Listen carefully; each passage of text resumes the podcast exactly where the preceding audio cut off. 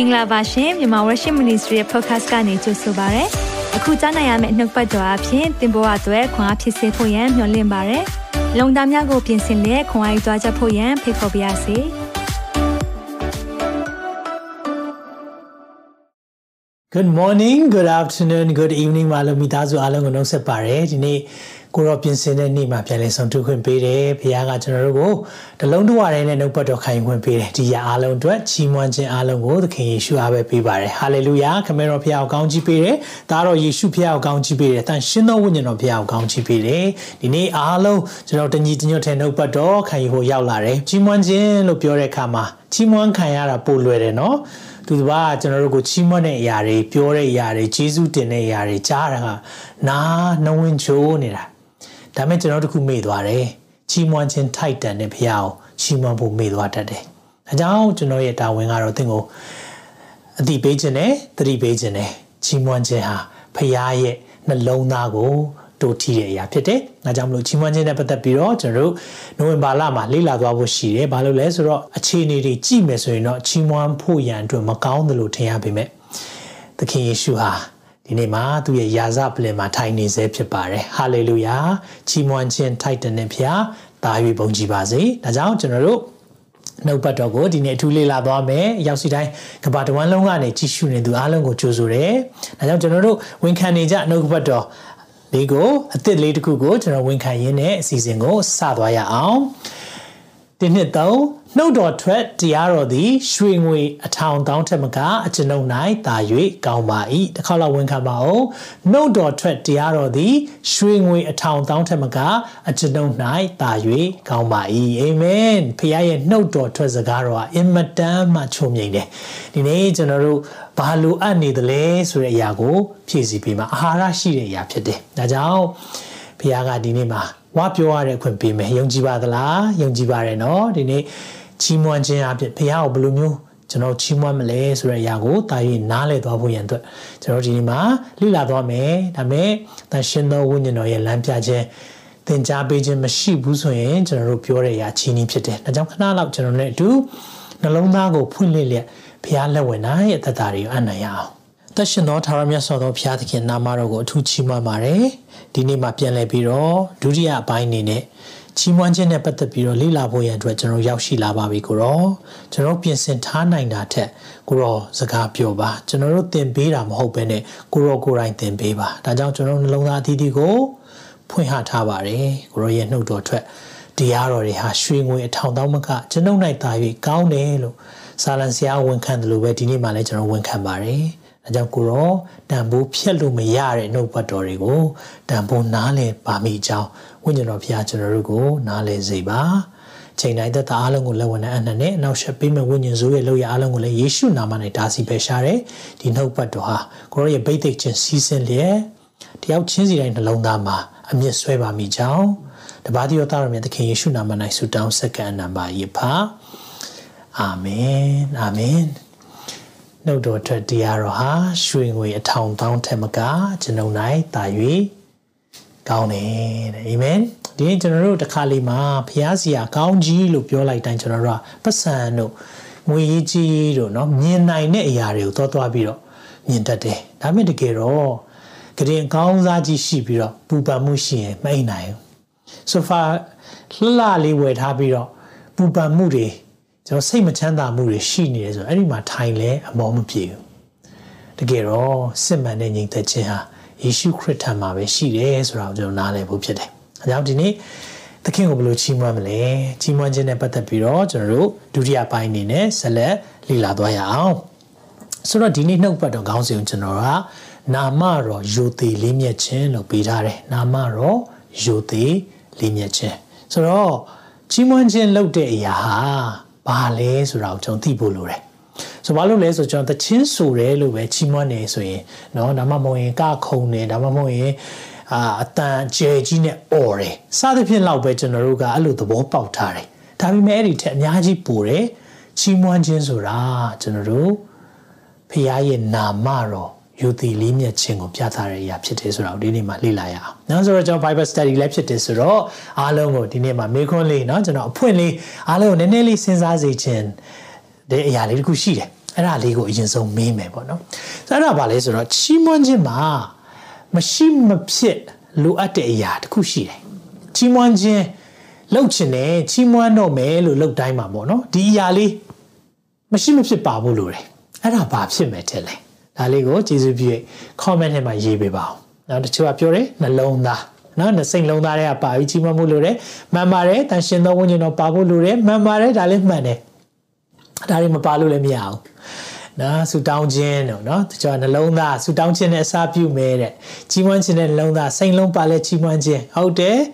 โอเคမှန်ပါတယ်ဒီအရာတွေပါဖို့လိုတယ်ဒါပေမဲ့အဲ့ဒီမှာအဲ့ဒီအခြေခံလေးတစ်ခုပေါ့ နော်ဒီအရာတွေရှိပြီဒါပေမဲ့အဲ့ဒီတစ်ခုလေးကျွန်တော်အခုလိုချင်တဲ့အရာလေးကျွန်တော်ရှာနေတဲ့စကားလုံးလေးရှိတယ်အဲ့ဒါလေးမပါလို့ကတော့ဘာမှချီးမွမ်းခြင်းမမြောက်တော့ဘူး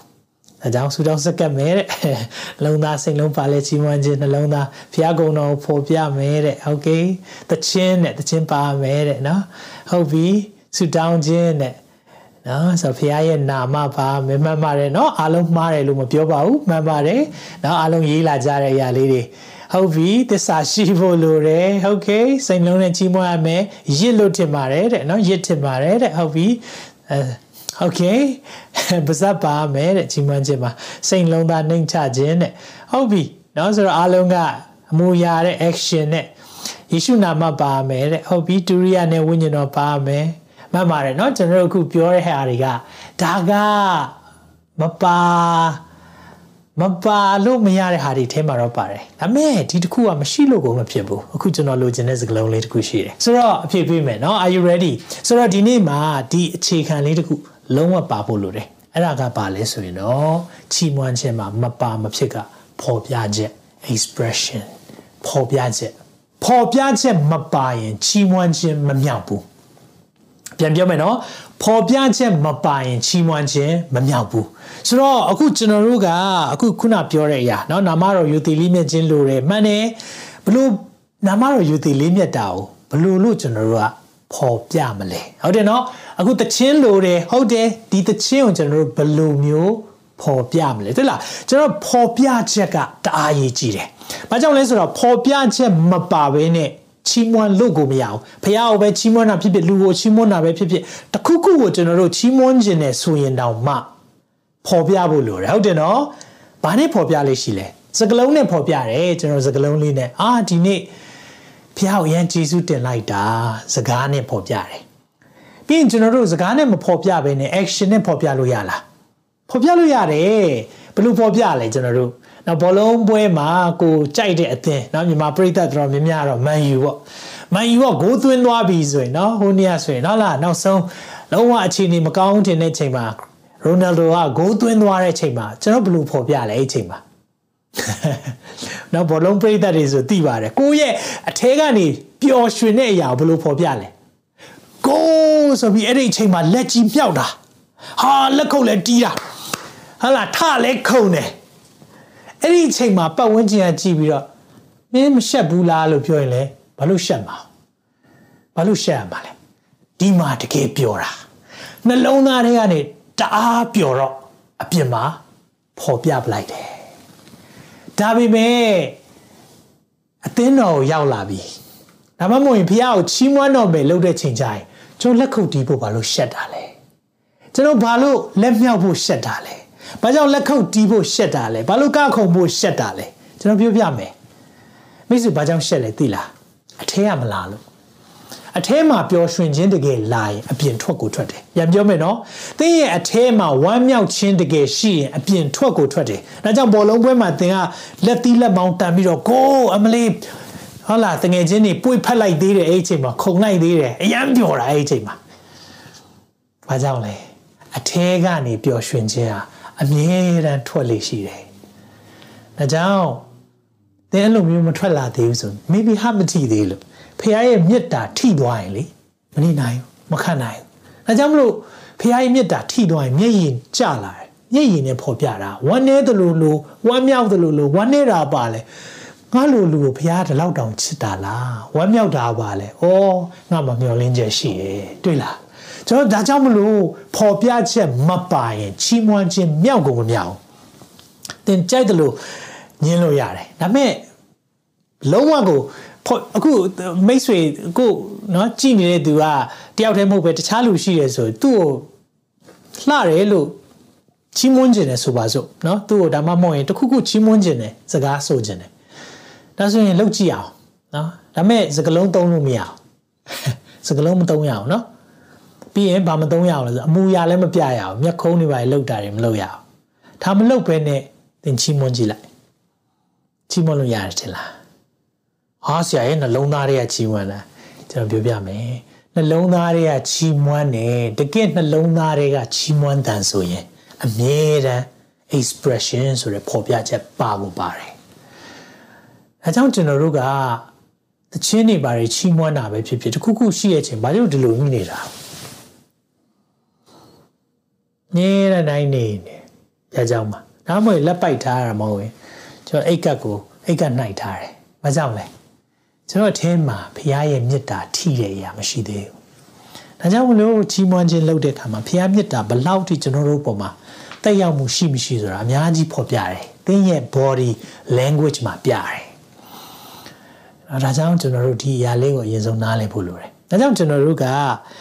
ချီးမွမ်းခြင်းလုပ်တော့မယ်ဟေးဆိုရင် ဖော်ပြချက်မပါလို့ကိုမရဘူးဒါဆိုဘာဖော်ပြရမလဲဒါကိုကျွန်တော်လေ့လာသွားမယ်ဆိုတော့ကျွန်တော်ဖော်ပြချက်เนาะကျွန်တော်ဖော်ပြတဲ့အရာလေးတွေဘာတွေရှိလဲဆိုတဲ့အရာပေါ့เนาะကျွန်တော်သွားမယ်ဒီနေ့မှာဘာဖော်ပြသလဲဆိုရင်တော့နာမတော်ယူသည်လေးမြတ်ခြင်းကိုဖော်ပြမယ် reverence reverence ဆိုတာတော့နော် respect တက်ပူတာပေါ့နော် respect လို့လည်းပြောလို့ရတယ်ဆိုလူတယောက်ကိုလေးစားလားမလေးစားလားဘယ်လိုသိလဲ သိတယ်နော်ကျွန်တော်သူစကားပြောစရာမလိုဘူးသူအမှုရာမှာတော့လကောင်းသူရဲ့တခုခုသူရဲ့ဖော်ပြချက်တခုခု expression ပေါ့သူရဲ့ body language ဖြစ်ကောင်းဖြစ်ခဲ့သူရဲ့စကားလုံးဖြစ်ကောင်းဖြစ်မယ်အဲ့ဒီမှာကျွန်တော်ချက်ချင်းသိတယ်ဒီတယောက်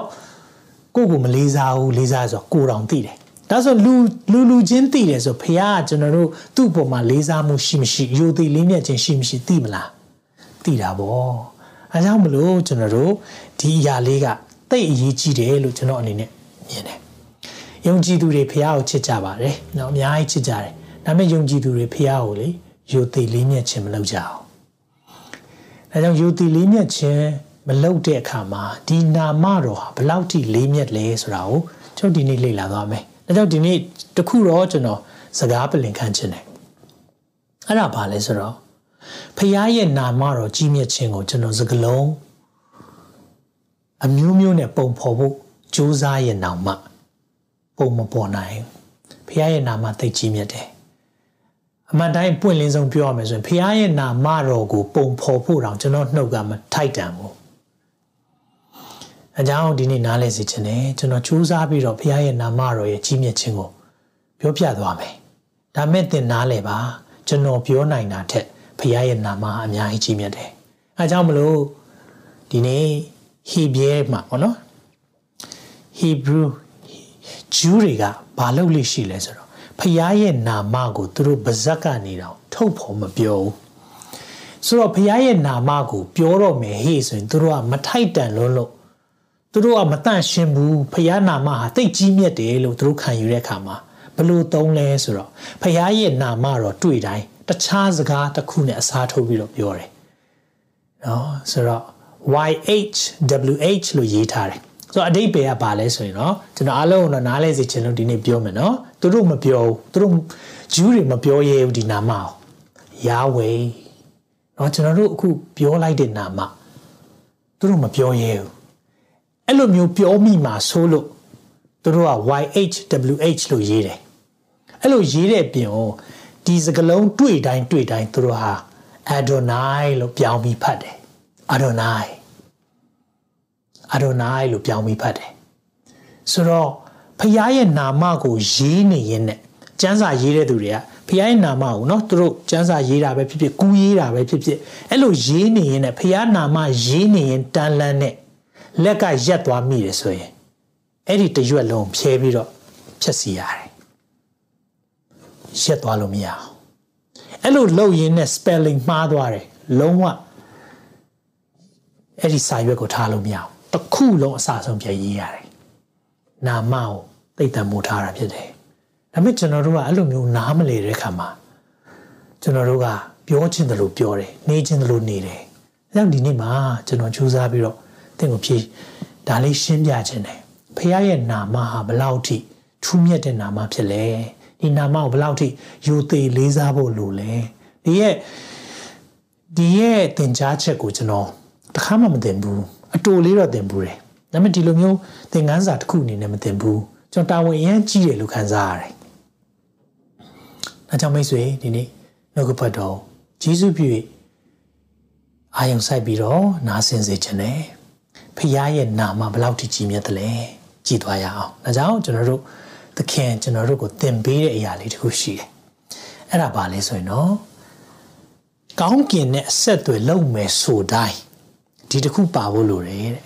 ပထနာတော့ရတယ်နော်ပထမဦးဆုံးကြောင်းလေးဆိုပေးပါဦးကောင်းကင်ဘုံ၌ရှိတော်မူသောကျွန်တော်တို့၏အဖကိုရောဤနာမတော်အားယုတ်တိလေးမြတ်ခြင်းရှိပါစေသောဖွင့်နာနဲ့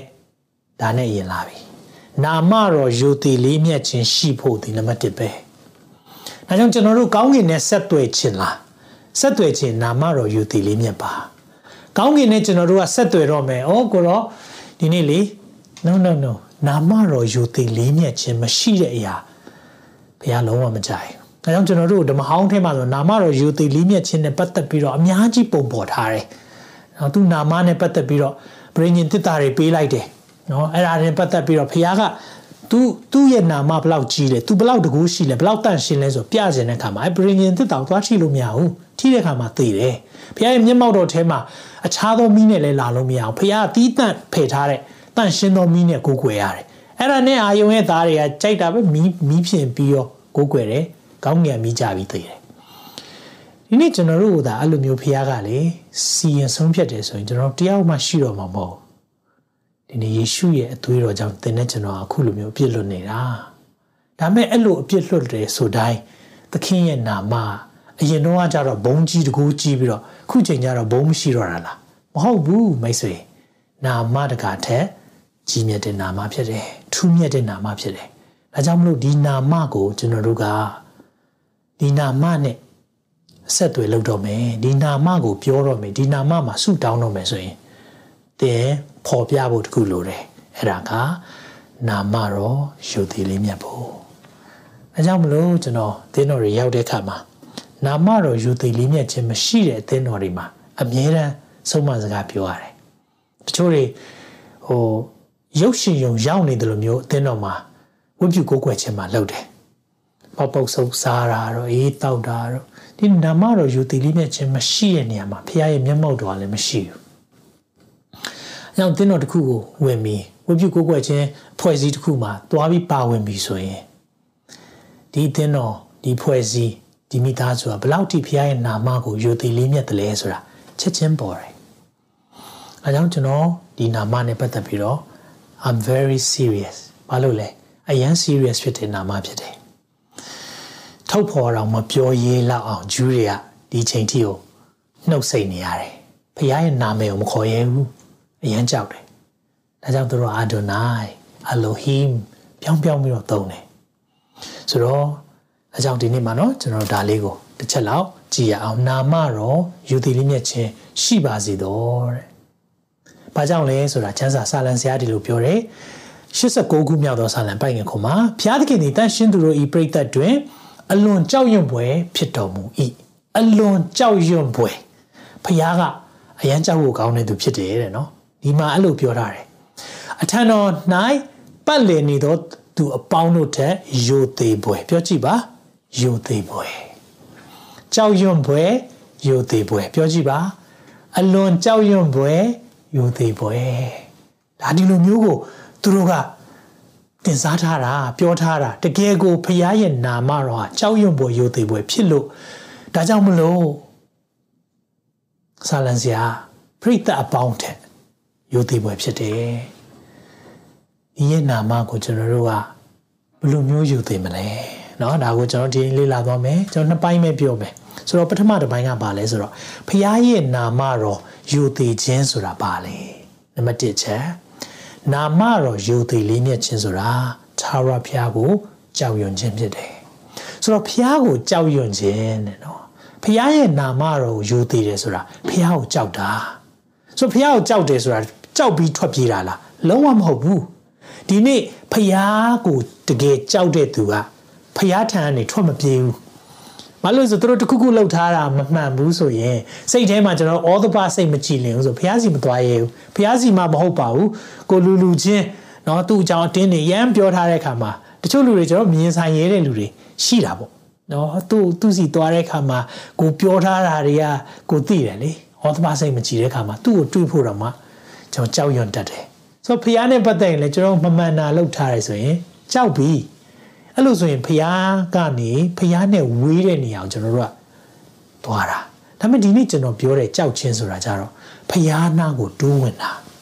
ဖះမရှိလို့မဖြစ်ဘူးကိုရောမရှိရင်တော့ကျွန်တော်ကျမရက်တီလို့ကိုမရဘူးဆိုတော့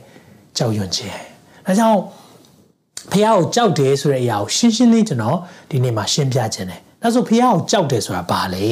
ဖះကိုကြောက်တယ်ဆိုတာဖះကြိုက်တာကို ကြိုက်ခြင်းနဲ့ဖះမကြိုက်တာကိုမကြိုက်ခြင်းပြောကြည့်ပါဖះကြိုက်တာကိုကြိုက်ခြင်းနဲ့ဖះမကြိုက်တာကိုမကြိုက်ခြင်းဒါဆိုဖះကြောက်တာဆိုတော့ဖះကြောက်ပြီးဟေးဆိုတဲ့လူတွေကဒီလိုသက်ရှင်တယ်ဖះကြိုက်တာကိုကြိုက်တယ်ဆိုဖះဘာကြိုက်လဲဖះကတန်ရှင်းချင်းကြိုက်တယ်ဖះကလူတွေကိုကြိုက်တယ်ကျွန်တော်တို့ကဘာကိုကြိုက်လဲလူသားတွေကအပြစ်ကိုကြိုက်တယ်ဒူးစရိုက်ကိုကြိုက်တယ်မဟုတ်တာလုပ်ရတာကိုကြိုက်တယ်နော် ဟိုကျမ်းမာတဲ့အစားအစားအစာနဲ့မကျမ်းမာတဲ့အစားအစာဘယ်ဟာစားရတာပိုကောင်းတယ်တဲ့လေပို့ပြီးတော့အာတိတရှိတယ်တဲ့လေမကျမ်းမာတဲ့အစားအစာနော်ဒီကျမ်းမာတဲ့အစားအစာဆိုလူတွေသိမစားချင်ကြအောင်မကျမ်းမာတဲ့အရာတော့ကိုယ့်အတွက်အာဟာရမဖြစ်တဲ့ဟာဆိုလူတွေမပြောနဲ့ကလေးတွေအားစားအဲ့ဒါပဲစားချင်တယ်အဲကြောင့်ကျွန်တော်တို့ဒီအရာလေးတခုကတအားရေးကြည့်တယ်ဖះကိုကြောက်တဲ့သူကလေဖះကြိုက်တာကိုကြိုက်တယ်ဖះမကြိုက်တာကိုမကြိုက်ဘူး ဖះမကြိုက်တာကိုမကြိုက်ဘူးနှုတ်ပတ်တော်ထဲမှာဒီလိုပြောတယ်သုတ်တန်ချံခန်းကြီးရှင်ငယ်73မှာသာရဖះကိုကြောက်ရွံ့သောသဘောကဖះကိုကြောက်တဲ့သူကြောက်တဲ့ဆိုရင်ဒုစရိုက်ကိုမုံသောသဘောတဲ့တွေ့လားအပြစ်ကိုမကြိုက်ဘူးတဲ့အဲ့ဒီမှာဘာတွေကိုဖះမုံလဲဆိုတဲ့အရာကိုအစင်လိုက်ပြောထားတယ်မာနထောင်လွှားခြင်း pride ကျွန်တော်တို့ကိုယ့်ကိုယ်ကိုဟုတ်လာပြီထင်တာဖះလုံးဝမကြိုက်ဘူးတဲ့စော်ကားခြင်းနော်စော်ကားတယ်ဆိုတဲ့ဟာနော်စကလုံးပဲဖြစ်ဖြစ်တခုခုရေးသားပဲဖြစ်ဖြစ် နော်မကောင်းသောလမ်းသို့လိုက်ခြင်းမဟုတ်တဲ့နေရာမှာအပေါင်းအသင်းတွေမားခြင်းနဲ့လှုပ်ခြင်းနဲ့ပြီးရင်ကောက်သောစကားဖြင့်ပြောဆိုခြင်းနဲ့ကောက်သောစကားတွေနော် twist လိုက်တာစကလုံးလေးတွေဟိုကနေဟိုကနေနည်းနည်းလေး twist လိုက်တာဟဟလားကျွန်တော်တို့နည်းနည်းလေးဟိုလှုပ်လိုက်တာနည်းနည်းမဆလာများသွားတာဟဟလားအဲစေးထိုးလိုက်တာစသဖြင့်ကျွန်တော်တို့ကောက်တဲ့စကားပြောဆိုခြင်းဘာလုပ်လဲဖေငါမုံဤတဲ့အပြက်ပဲပြောတယ်နော်ငါမုံဤတဲ့ဒါဆိုယုံကြည်သူတယောက်အနေနဲ့ဒါမျိုးတွေလုပ်ရမလား မလုပ်ရဘူးဒီနေ့ဖေကိုကျွန်တော်တို့ချစ်တယ်နော်ကျွန်တော်သိတယ်သင်ဖေကိုသိချစ်တယ်ချစ်လို့ဒီနေ့နှုတ်ပတ်တော်နားထောင်နေတာဒါပေမဲ့ကျွန်တော်မေးခွန်းကလေသင်ဖះကိုကြောက်လားသင်ဖះကိုကြောက်လားကျွန်တော်ဘဝမှာလည်းဖះကိုအရန်ချစ်ခဲ့တယ်အရန်ချစ်ခဲ့တယ်လို့ပြောတော့အခုမချစ်တာပြောတာမဟုတ်ပါဘူးပြောချင်တဲ့သဘောကဖះကိုချစ်တာနဲ့ကြောက်တာကိုမကွဲဘူးဆိုတော့ကိုဖះချစ်တာကိုဖះကြောက်တယ်လို့ထင်နေတာဟာဖះနဲ့ပတ်သက်လာရင်ချစ်တာပေါ့ ဖះကိုချစ်တယ်ဖះအတွက်လှုပ်ပေးခြင်းတယ်အကုန်လုံးသက်တာကိုအနံ့ခြင်းဒါပေမဲ့ဖះကိုတစ်စက်မှမကြောက်ခဲ့ဘူးမကြောက်တော့အပေါင်းတင်မှားတယ်ဖះမကြိုက်တာလည်းအကုန်လုံးခဲ့တယ်အဲ့ဒါဒီနေ့ကျွန်တော်တို့ဖះကိုချစ်တာနဲ့ဖះကိုကြောက်တာလုံးဝမတူဘူးเนาะဒီနေ့သားသမီးရှိတဲ့မိဘတွေခုမေးချင်ပါတယ်เนาะကိုသားသမီးတွေကိုချစ်လားနော်ဒီမေးခွန်းကနည်းနည်းလေးတော့ဟိုဆရာရဲ့ချစ်တာပေါ့နော် သူတို့အမြဲချစ်ပါတယ်ဒါပေမဲ့နောက်မေးခွန်းတခုကသူတို့အတဲ့အမြဲစိတ်တော်တွေ့လားစိတ်တွေ့လားစိတ်မတွေ့တဲ့ချိန်အများကြီးရှိပါလိမ့်မယ်နော်ချစ်တယ်အမြဲတမ်းတော့ချစ်တယ်ဒါပေမဲ့စိတ်တော်မတွေ့ဒါကြောင့်လေဖះကျွန်တော်တို့အမြဲတမ်းချစ်တယ်ဒါပေမဲ့ဖះစိတ်တော်တွေ့တဲ့သူဟာရှားတယ်ဒါကြောင့်ဘသူ့ကိုစိတ်တော်တွေ့လဲဖះက तू ကြိုက်တာကိုကြိုက်ပြီးတော့ तू မကြိုက်တာကိုမကြိုက်ဘူးဒါကြောင့်ကျွန်တော်ကြိုးစားရအောင် ကြိုးစားတယ်လို့ပြောတဲ့အခါမှာဖះကိုခွန်အားတောင်းခံပြီးတော့ဖះစီမှာကိုရောကိုရောကြိုက်တဲ့အရာကိုကြိုက်ချင်ပါတယ်အာမင်ကိုရောမကြိုက်တဲ့အရာကိုမကြိုက်နိုင်ဖို့ရန်အတွက်ကိုရောမာစာပါဒါကြောင့်ဖះကြောက်တဲ့လူတွေကဒူးစရိုက်ကိုမုန်းလာတယ်မလုပ်ချင်တော့ဒါပေမဲ့မကြော်လွားနိုင်တဲ့ကာလရှိတတ်တယ်ဒါပေမဲ့အဲ့လိုမကြော်လွားနိုင်တဲ့ကာလမှာတော့ကိုရောကြော်လွားခြင်းတယ်သူများချောင်းပြောမိသွားပြီ gossip အတင်းပြောတာလူသားမှုနဲ့ဘုရားတကိုင်းနဲ့ပဲထပ်ထားရနော်သုတ်တန်6ထဲမှာရှိတယ်တူတူပဲဘုရားရှိမှာအဲကျွန်တော်တို့တွေဒီလိုမျိုးမြင်တဲ့အရာတွေလှုပ်တဲ့အရာတွေဟာဘုရားမကြိုက်တဲ့အရာဖြစ်တယ်အဲကြောင့်ဘုရားကြိုက်တာကိုကြိုက်တယ်ဘုရားမကြိုက်တာကိုမကြိုက်ဘူးဒါကြောင့်နော်ကိုသားသမီးတွေချစ်ပါတယ်စိတ်တော်မတွေ့ဘူးဘုရားလည်းကျွန်တော်တို့ကိုချစ်တယ်ဒါပေမဲ့ဘုရားစိတ်တော်တွေ့သလား ဒါကြောင့်ဘုရားစိတ်တော်တွေ့တဲ့လူကြရင်လေဘုရားကအကုန်လုံးအနှင်ပေးတယ်တာဝန်ကောင်းကြီးအကုန်လုံးအနှင်တယ်ဒါပေမဲ့ဘုရားစိတ်တော်မတွေ့ဘူးဆိုရင်တော့ဆုံးမခြင်းလည်းရှိတယ်ဆိုတော့ကျွန်တော်တို့ဆက်ပြီးတော့လေ့လာသွားရအောင်ဆိုတော့နော်ဘုရားကိုကြောက်တဲ့သူဖြစ်ဖို့ဘုရားကျွန်တော်လိုရှိတယ်ဘာကြောင့်လဲဒီနှုတ်ဘတ်တော့ကျွန်တော်ရန်သဘောကြပါတယ်เนาะသုတ်တန်1ငယ်9မှာသာရဘုရားကိုကြောက်ရွံ့သောသဘောသည်ပညာဤအချုပ်ချာဖြစ်၏ ပညာရဲ့အချုပ်ချာတနည်းအားမှာဆိုရင်ပညာရဲ့မူလအမြင်တဲ့နော်ဆိုတော့အချုပ်ချာမူလအမြင်ဖြစ်တယ်ဆိုတာကိုဖျားစီကနေပညာလိုအပ်တယ်ဆိုတာကျွန်တော်သိတယ်အဲ့လိုလိုအပ်တဲ့သူတွေတခုပဲလုပ်ဖို့လိုပါတယ်အဲ့ဒါပါလေထာရဖျားကိုကြောက်ပါဖျားကိုဘယ်လိုကြောက်ရမလဲသူကြိုက်တာဟုတ်ကြိုက်မှာပေါ့သူမကြိုက်တာဟုတ်မကြိုက်ဘူးပေါ့ အဲ့လိုမျိုးဆိုရင်ဖះကိုကြောက်တော်သူဖြစ်တယ်ဆိုတော့ဖះကိုကြောက်တဲ့အကြောင်းနဲ့ပတ်သက်ပြီးတော့ကျွန်တော်တို့ဒီနေ့နှုတ်ဘတ်တော်ထဲမှာကျွန်တော်ပုံဥပမာလေးတစ်ခုပေါ့နော်ဒီအဖြစ်အပျက်လေးတစ်ခုနဲ့ပြောပြခြင်းတယ်အဲ့ဒါဘာလဲဆိုတော့ထွတ်မြောက်ပါထဲမှာပါတယ်ဆိုတော့အဲ့ဒီချိန်တုန်းကမောရှေနော်ကျွန်နေအများကြီးပဲဆိုတော့ Bible scholar ရဲ့အဆိုအရဆိုရင်တော့ကျွန်နေတန်းနဲ့ချီပြီးတော့ Egypt ကနေဂတိတော်မြေကိုသွားနေတဲ့လမ်းမှာမောရှေကနေဥဆောင်ပြီးတော့ခေါ်လာတယ် ခေါ်လာတဲ့အခါမှာတိနာတောင်လေးရောက်ရောဖះသူတို့အားလုံးကိုသူတွေ့ကျင်တယ်တဲ့အဲ့ဒီအချိန်မှာတွေ့ခံနီးလေးမှာဖះပြောလိုက်တဲ့စကားလေးရှိတယ်အဲ့ဒါဘာလဲဆိုတော့ထာဝရဘုရားကလည်းလူတို့ရှိရသို့သွား၍ယနေ့နေ့နဲ့ဖြစ်နေနိုင်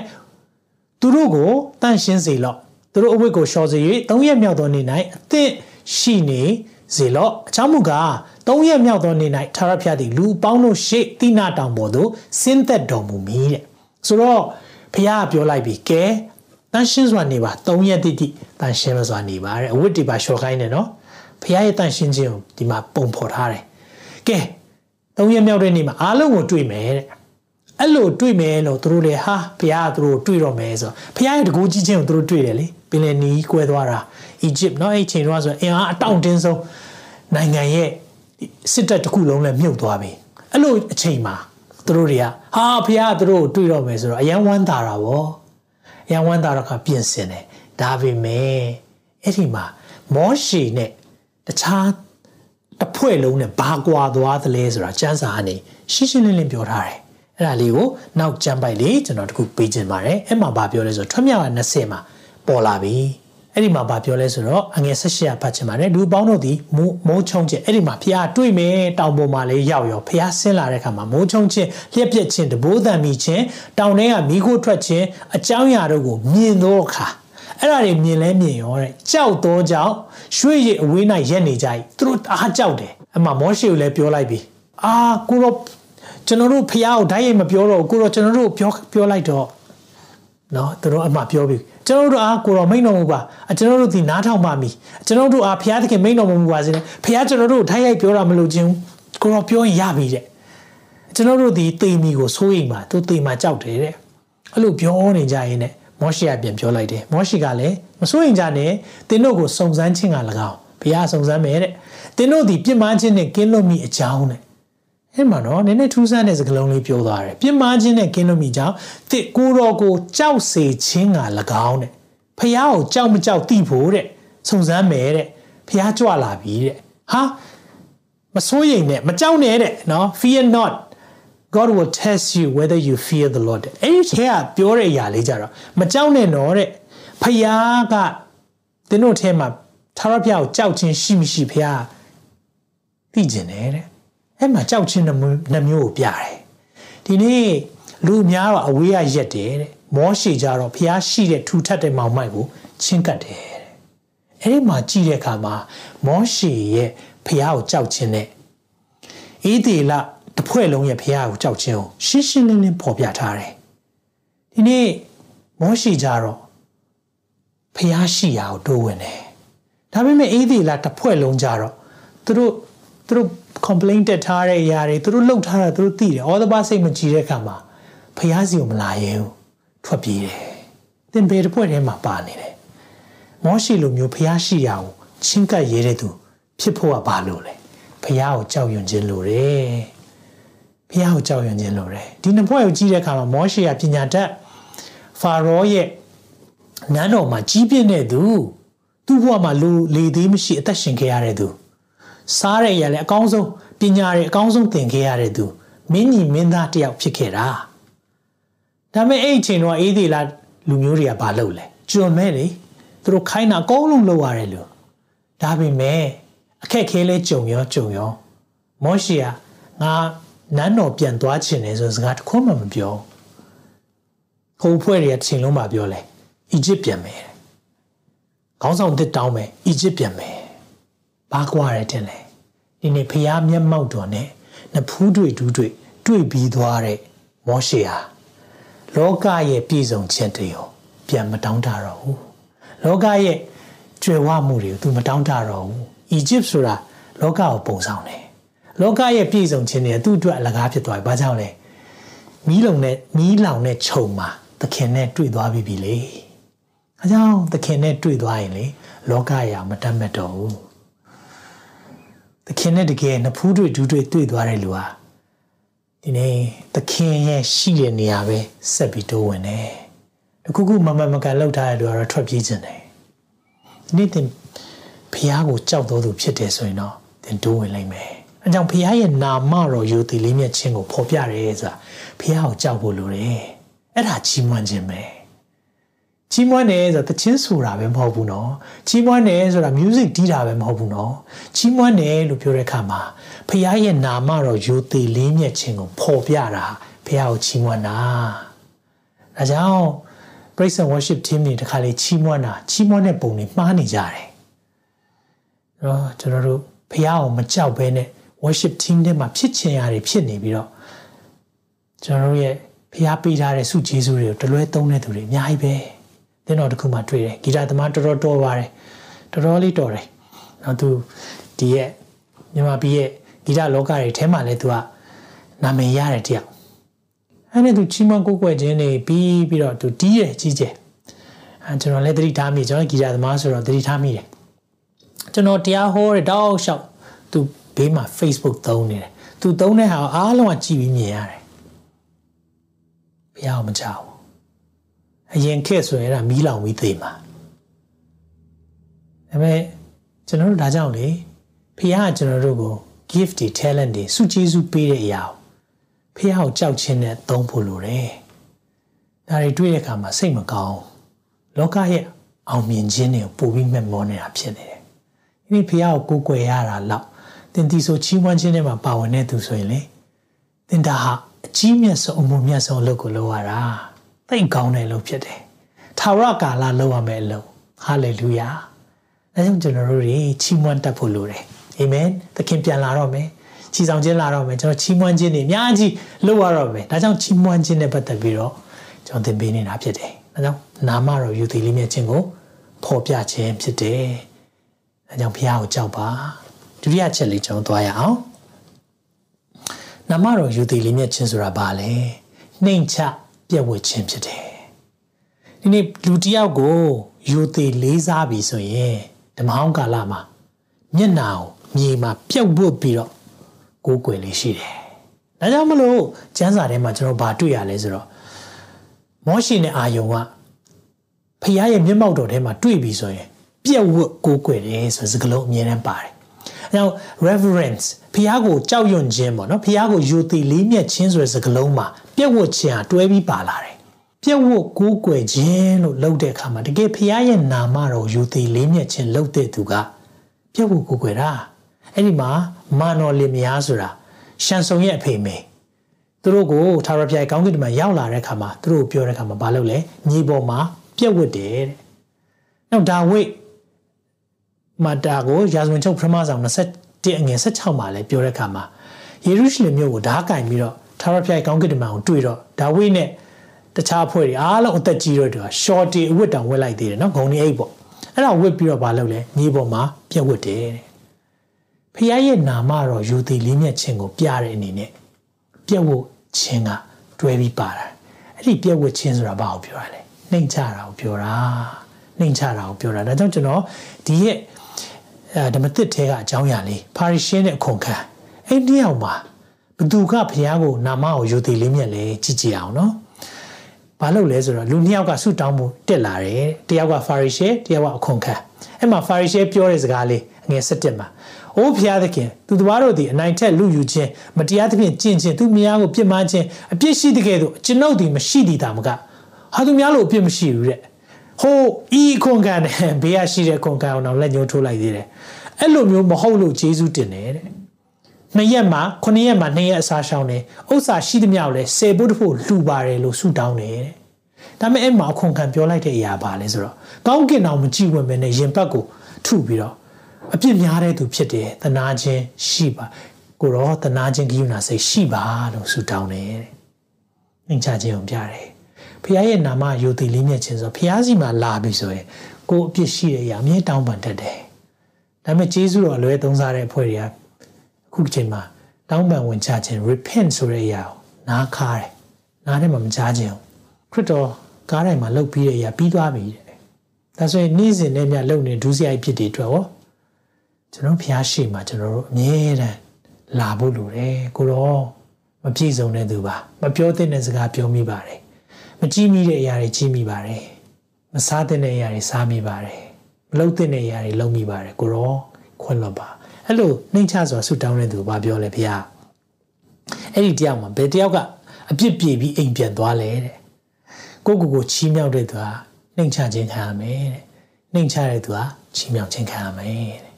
ဒီနေ့ဖျားရှိမှလာတယ်ဖျားရဲ့နာမတော်ယူသည်လေးမြတ်ခြင်းရှိရဆိုအရှိကိုရှိတိုင်းဖျားဖိတ်ခေါ်တယ်လာလို့ရတယ် ဝင်လေးပင်ပန်းသောသူပေါင်းငါထံသို့လာလို့ငါသည်ချမ်းသာပေးမယ်အမြဲတမ်းဖျားရဲ့ဂိမ်မခြင်းလိုတယ်ဆိုရက်နှလုံးသားနဲ့လာရင်ဖျားဘယ်တော့မှမငြင်းဘူးဟာလေလုယာနောက်ကျွန်တော်တို့ရဲ့သက်တာကိုဒီຢာလေးကိုနားလဲစေခြင်းနဲ့မိတ်ဆွေကိုတော့ဖျားကကျွန်တော်တို့ကိုဒီနေ့သူ့နာမယူသည်လေးမြတ်ဖို့ရန်အချက်တစ်ချက်ပြောနေပြီတခုကသူ့ကိုကြောက်ဖို့တခုကပြက်ဝတ်ကိုးကွယ်ဖို့တနည်းအားဖြင့်နှိမ်ချဖို့ ဒီနေ့ဘုရားကကျွန်တော်တို့ကိုဒီအရာတွေကိုနားလည်စေခြင်းနဲ့ဆက်ပြီးတော့ကြည်ရအောင်ဒါဆိုနာမတော်ယူတည်လေးမြတ်ခြင်းကိုနေ့စဉ်ဘယ်လိုလုပ်မလဲနေ့စဉ်သက်တာမှာဘယ်လိုဖော်ပြမလဲနာမတော်တန်ဖိုးထားပါနာမတော်မြတ်ကိုတန်ဖိုးထားဖို့လိုတယ်ကျွန်တော်တို့ဒီဖခင်နာမကိုဆဲဆိုတဲ့နေရာမှာသုံးနေကြတယ် OMG မပြောရအောင်เนาะအဲ့ဒါတွေ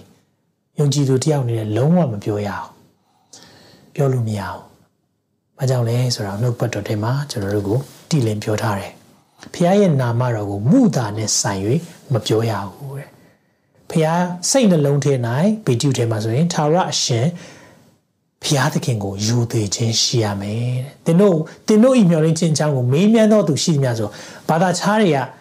ခရစ်တော်အကြောင်းနဲ့ပတ်သက်ပြီးပြောရဲဆိုရင်နူးညံ့သောသဘောကြောက်ရင်ကြောက်ရွံ့သောသဘောနဲ့ပြန်ပြောခြင်းကကာလအစင်မပြတ်အသင့်ရှိနေပါ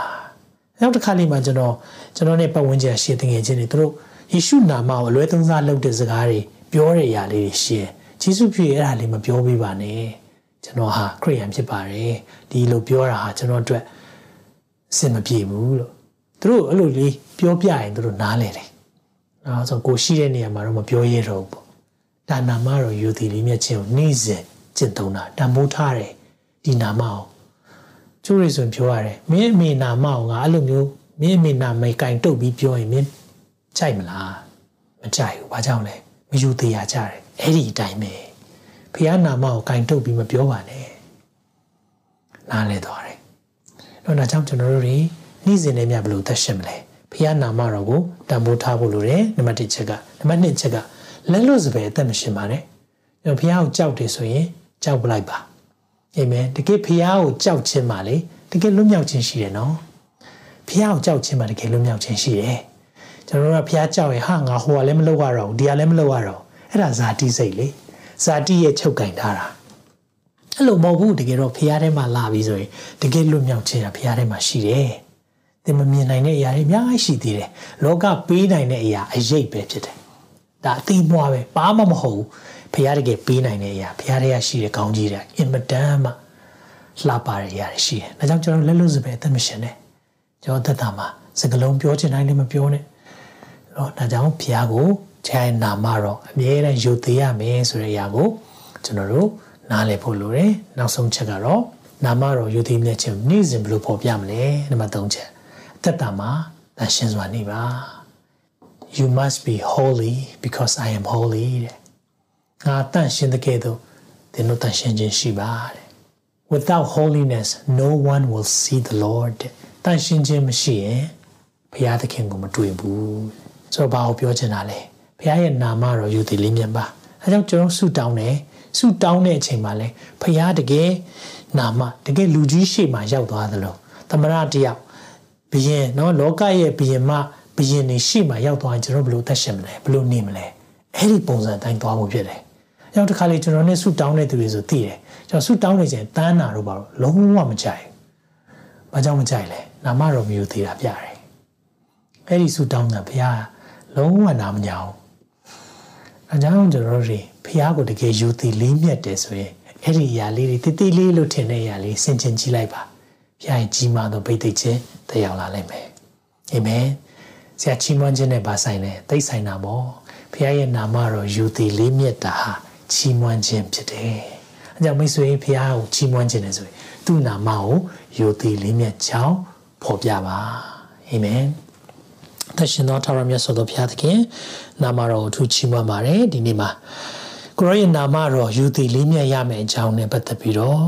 ဝိငါတတိခံရလို့ယေရှုတင်တယ်ကိုရောကိုရောနာမနဲ့ပတ်သက်ပြီးကျွန်တော်တို့ဒီမလေးမစားမယုံမသိလောက်ခဲ့တဲ့အရာအားလုံးအတွက် ဝင်ချတောင်းပန်ပါတယ်ကိုရောနာမတော်နဲ့တိုင်တီပြီးမှုသာပြောမိတဲ့အရာကိုရောနာမတော်နဲ့တိုင်တီပြီးဆဲရီတိုင်းထွာမိတဲ့အရာမှဆိုင်ကိုရောနာမတော်ကိုအလွဲသုံးစားလုပ်တဲ့အရာတွေအားလုံးကိုခွင့်လွှတ်ပေးပါဒီနေ့ကိုရောကိုကြောက်တော်သူများဖြစ်ဖို့ကိုရောကြိုက်တာကိုကြိုက်ပြီးကိုရောမကြိုက်တာကိုမကြိုက်တော်သူများဖြစ်ဖို့ကိုရောမဆာပါဒီကိုရောနာမတော်ကိုယူသေးလေးစားတော်သူတွေဟာ ပြတ်ဝတ်ခြင်းနဲ့ကိုရောရှိလာတိုင်းမှာနှိမ့်ချစွာအသက်ရှင်တော်သူများဖြစ်တယ်ဆိုတာကိုလည်းဒီနေ့နားလည်ရပါပြီဒါကြောင့်ကိုရောဒီနေ့မှာနားထောင်သွားတဲ့သူကိုရောမုန်းတယ်ဒါကြောင့်ကိုရောနှိမ့်ချတဲ့သူကိုရောချီးမြှောက်မယ်။နေခုခံခဲ့သူပဲမပြည့်စုံတဲ့ဘဝဖြစ်ပေမဲ့လည်းကိုရောရဲ့ပြည့်စုံခြင်းကိုအမြဲတမ်းအားကိုးတော်သူများဖြစ်ဖို့ရကိုရောမားစားပါ။ဂျေဇုနဲ့ဂုဏ်တော်ပေါင်းချီးမွမ်းသားတော်မြတ်ယေရှုနာမ၌စက္ကန့်နဲ့ဆုတောင်းကြပါ၏ပါ။ အာမင်။အာမင်။ဒီနေ့နှုတ်ပတ်တော်ပြန်လည်ပြီးတော့နားလည်အောင်ပြန်နားထောင်ပါ။ကျွန်တော်တို့ဆက်လက်ပြီးတော့အာချီးမွမ်းခြင်းများကိုနောက်ပတ်တင်မှာလေ့လာတော့မှာဖြစ်တယ်။ဘုရားရဲ့ညီသက်ခြင်းဝမ်းမြောက်ခြင်းပျော်ရွှင်ခြင်းများသင်နဲ့သင်မိသားစုပေါ်မှာတက်ရောက်ပါစေလို့ဒီနေရာကနေယေရှုနာမ၌ကောင်းချီးပေးပါရယ်။နောက်တစ်ဖန်ပြန်လည်ဆုံတွေ့ပါအောင်မယ်။ God bless you all. တင်ခုလိုနာဆင်ခွန်အားနိုင်ခြင်းဟာမြန်မာ Worship Ministry ကိုလာဆင်ပန်ပိုးနေကြတဲ့ Kingdom Partners များအကြောင်းဖြစ်ပါတယ်။ဖျားခင်နိုင်ငံတော်ကျယ်ပြန့်ရေးအတွက်လာဆင်ပေးကမ်းပောင်းဖို့ရန်ဖိတ်ခေါ်လိုပါတယ်ရှင်